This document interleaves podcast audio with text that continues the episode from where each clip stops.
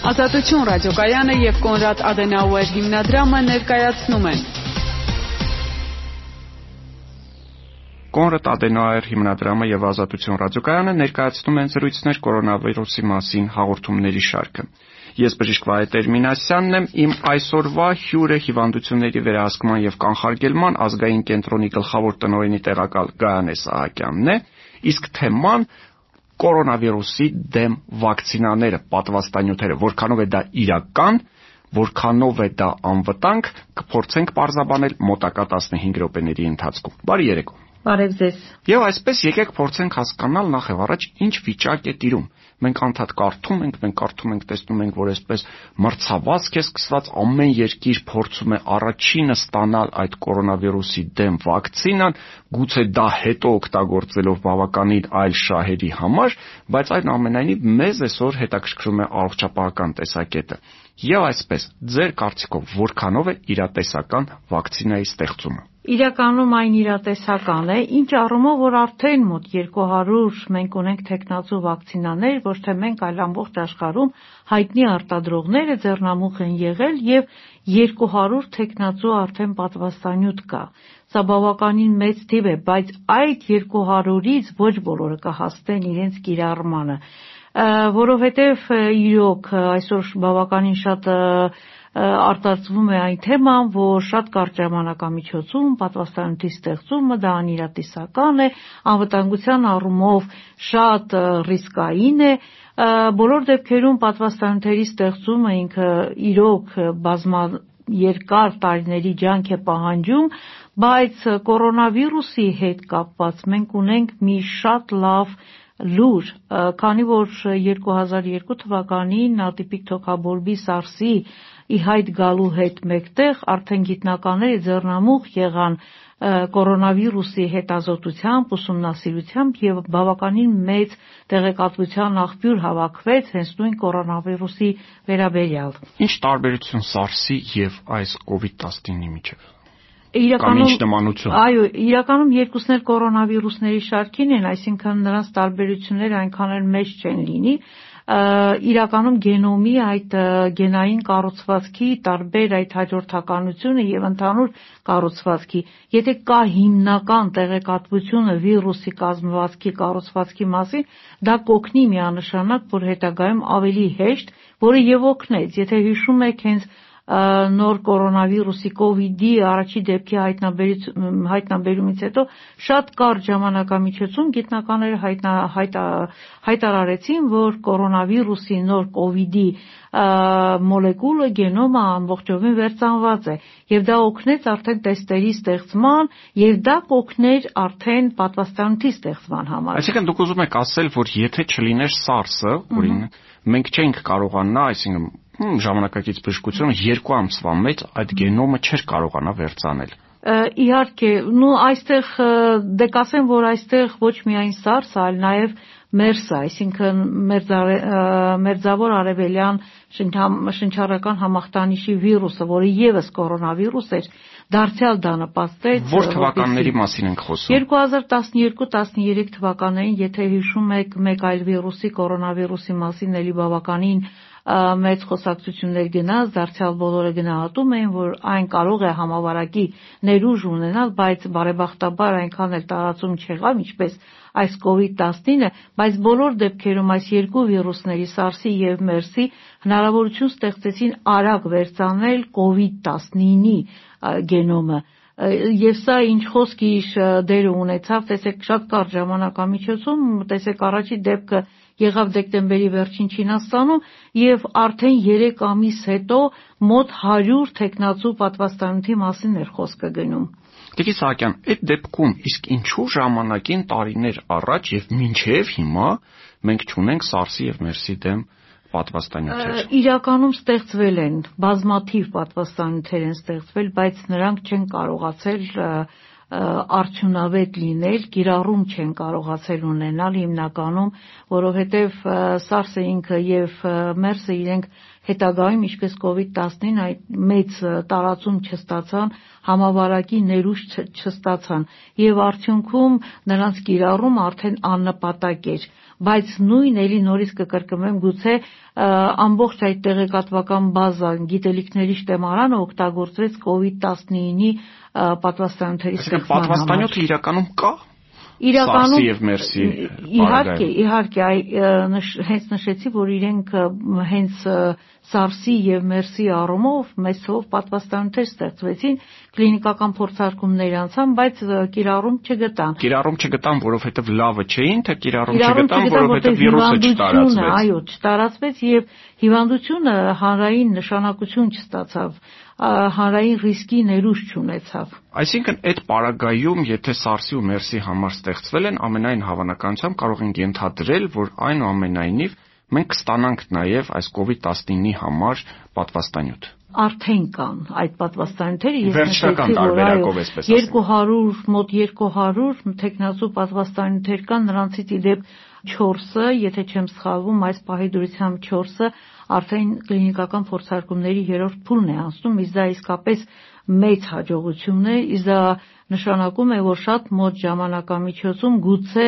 այս տարվա վերջին կամ ձմռանը 21 թվականի ձմռան առաջին ամիսներին արդեն աշխարհում կլինեն մեծ քանակությամբ դեղաչափեր։ Այսինքն դուք համարում եք, որ դրանցից առնվազն մի քանիսը կհասնեն իրենց վերջնակետին։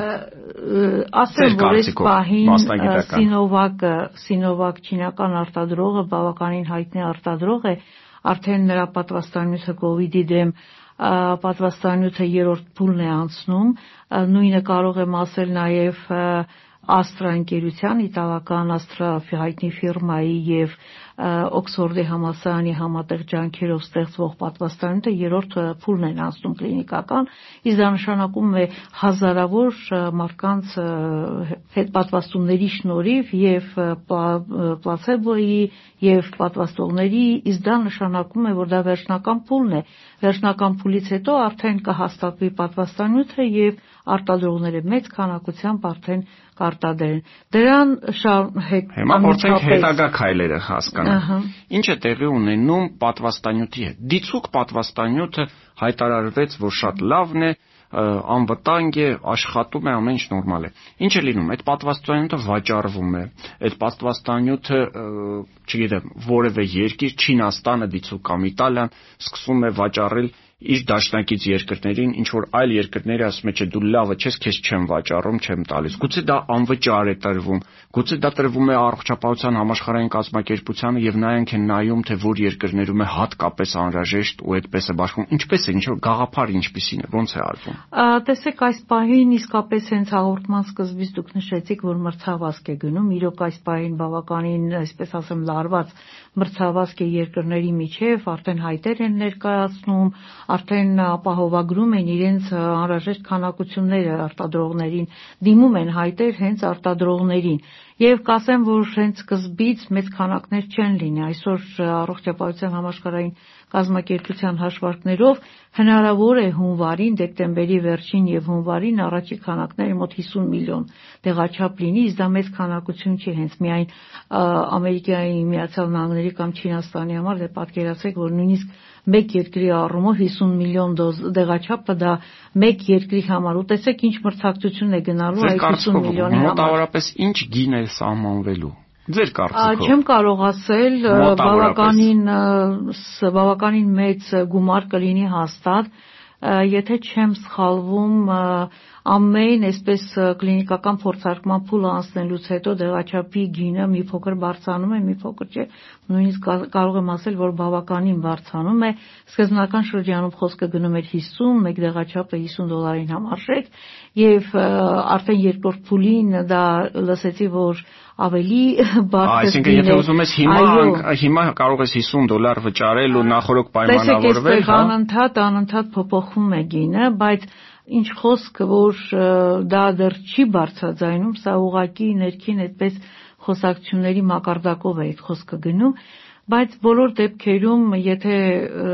եթե երկրները իսկապես ուզում են գոնե մի ռիսկի խումբը փակել, հա, հենց այս պահին արդեն հայտեր են ներկայացնում։ Իսկապես այդպիսի բան էլ հենց գոյություն ունի ամբողջ աշխարհը հայտեր է ներկայացնում արտադրողների հետ արդեն բանակցությունների։ Ով ավելի հարուստ է, փաստորեն նա էլ կստանա։ Ոչ միայն հարուստ, այս կասեի նաև եթե արտադրող ունի, եթե ասենք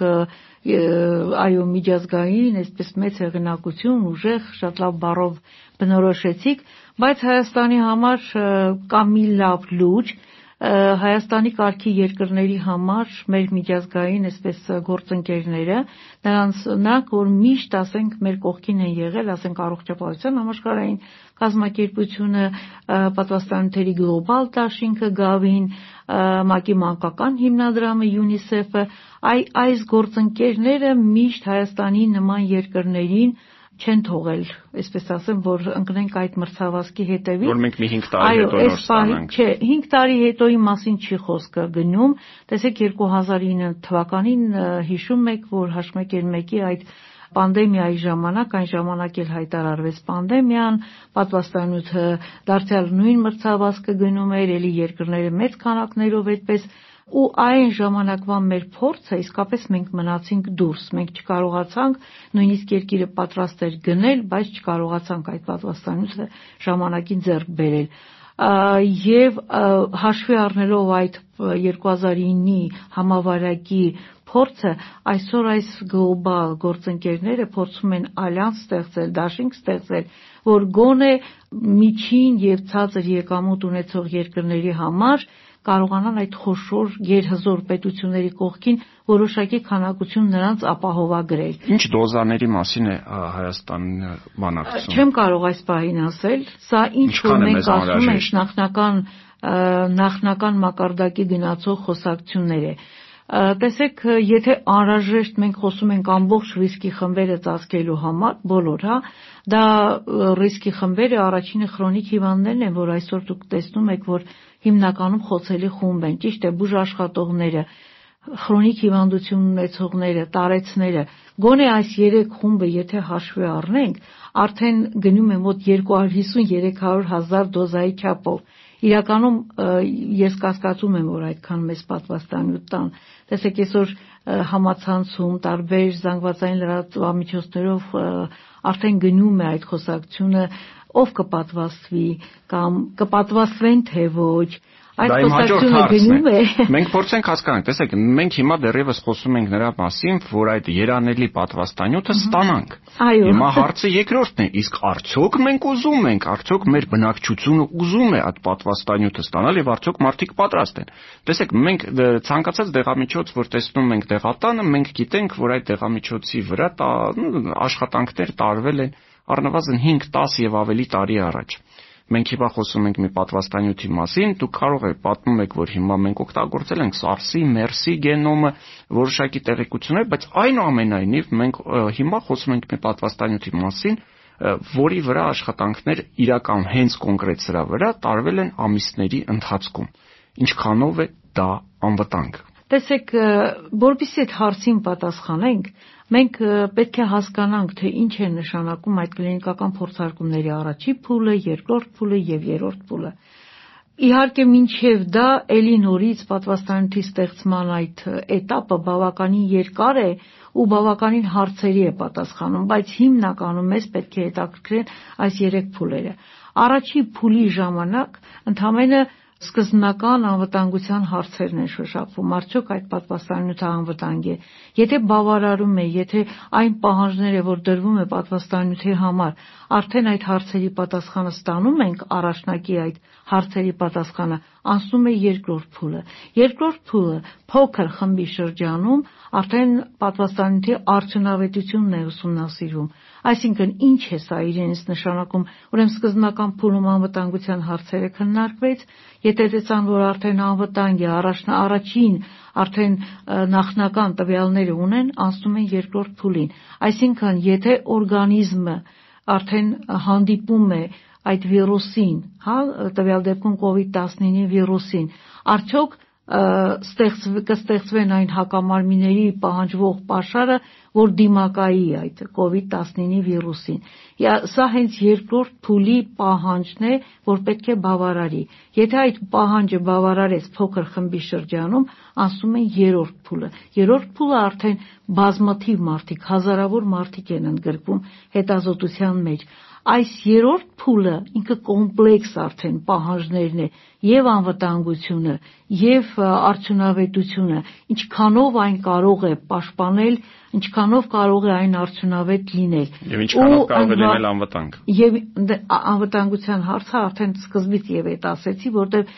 հազարավոր մարդիկ են ընդգրկում հետազոտության մեջ եւ ամենակարևորը երկու խմբի շրջանում է արվում մի խումբ ստանում է պատվաստանյութ մեկ այլ խումբ ստանում է պլացեբո, այսինքն ոչ պատվաստանյութ, եւ սկսվում են արդեն համեմատել երկու խմբի արդյունքները եւ արդյունավետության եւ անվտանգության առումով, ինչ հիվանդություններ կարող են հաճախակի հանդիպել պատվաստումից հետո,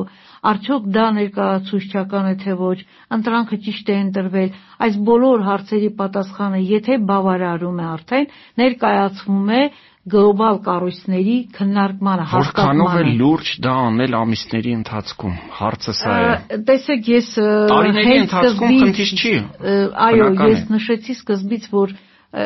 հենց պատվաստանյութի արտադրությունը ինքը երկար տարիների քրտնաջան աշխատանք է, այսինքն 10-15 տարի։ Հենց սկզբից նշեցի, որ 2002 թվականին արդեն սկսվել է Շատերի մոտ այն թույլ կարծիքն է, որ COVID-19 ընդամենը 19 թվականի դեկտեմբերին հայտնվեց այդ վիրուսը եւ ընդամենը 6 ամսվա ընթացքում փորձում են պատվաստանյութ ստեղծել։ Իրականում այս 6 ամսվա ընթացքում այդ կլինիկական հետազոտություններն է արվում։ Բոլոր դեպքերում ես կասեմ, որ ցանկացած պատվաստանյութ, ցանկացած դեղամիջոց, անգամ եթե հաստատվում է եւ զանգվածային կիրառման թույլտվություն է ստանում, դրանով этаպը չի ավարտվում։ Հետ մարքեթինգային նաև հետազոտությունները շարունակվում են, մշտադիտարկումը, տվյալների հավաքագրումը, շատ-շատ դեղամիջոցներ կիրառվել են եւ շուկայից հետ են կանչվել։ Դուք կհամաձայնեք, մենք կարող ենք, այո, մենք կարող ենք արդյոք վստահ լինել, որ Հայաստան կմտնի միայն ու միայն այն պատվաստանյութը, որը կլինի 100%-ով անվտանգ մեր բնակչության համար։ Ոչ ոք չի կարող ասել 100%-ի մասին։ Բացարձակ նման բան գոյություն չունի։ Ընդհանրապես 100%-ի մասին խոսելը չեմ կարծում, որ դա տեղին է, որովհետև գիտեք, դա տարիների ընթացքում 50 տարի բավականին երկար տարիների ընթացքում տեղեկատվությունը հավաքվում է եւ այդ տեղեկատվությունը միշտ վերլուծվում է, միշտ ինչ որ գիտական հետազոտություններ արվում է։ Տեսեք, ԿԿԽ պատվաստանյութը կարմրուկի կարմրախտի խոզուկի դեմ պատվաստանյութը քանի տարվա 60 թվականից ի վեր կարմրուկի պատվաստանյութը կիրառվում է իսկ ավելի ուշ 80-ական թվականներին արդեն ԿԿԽ համակցված պատվաստանյութը բոլոր դեպքերում այսօր դեռևս այդ պատվաստանյութը անդադ հետազոտությունների փուլում է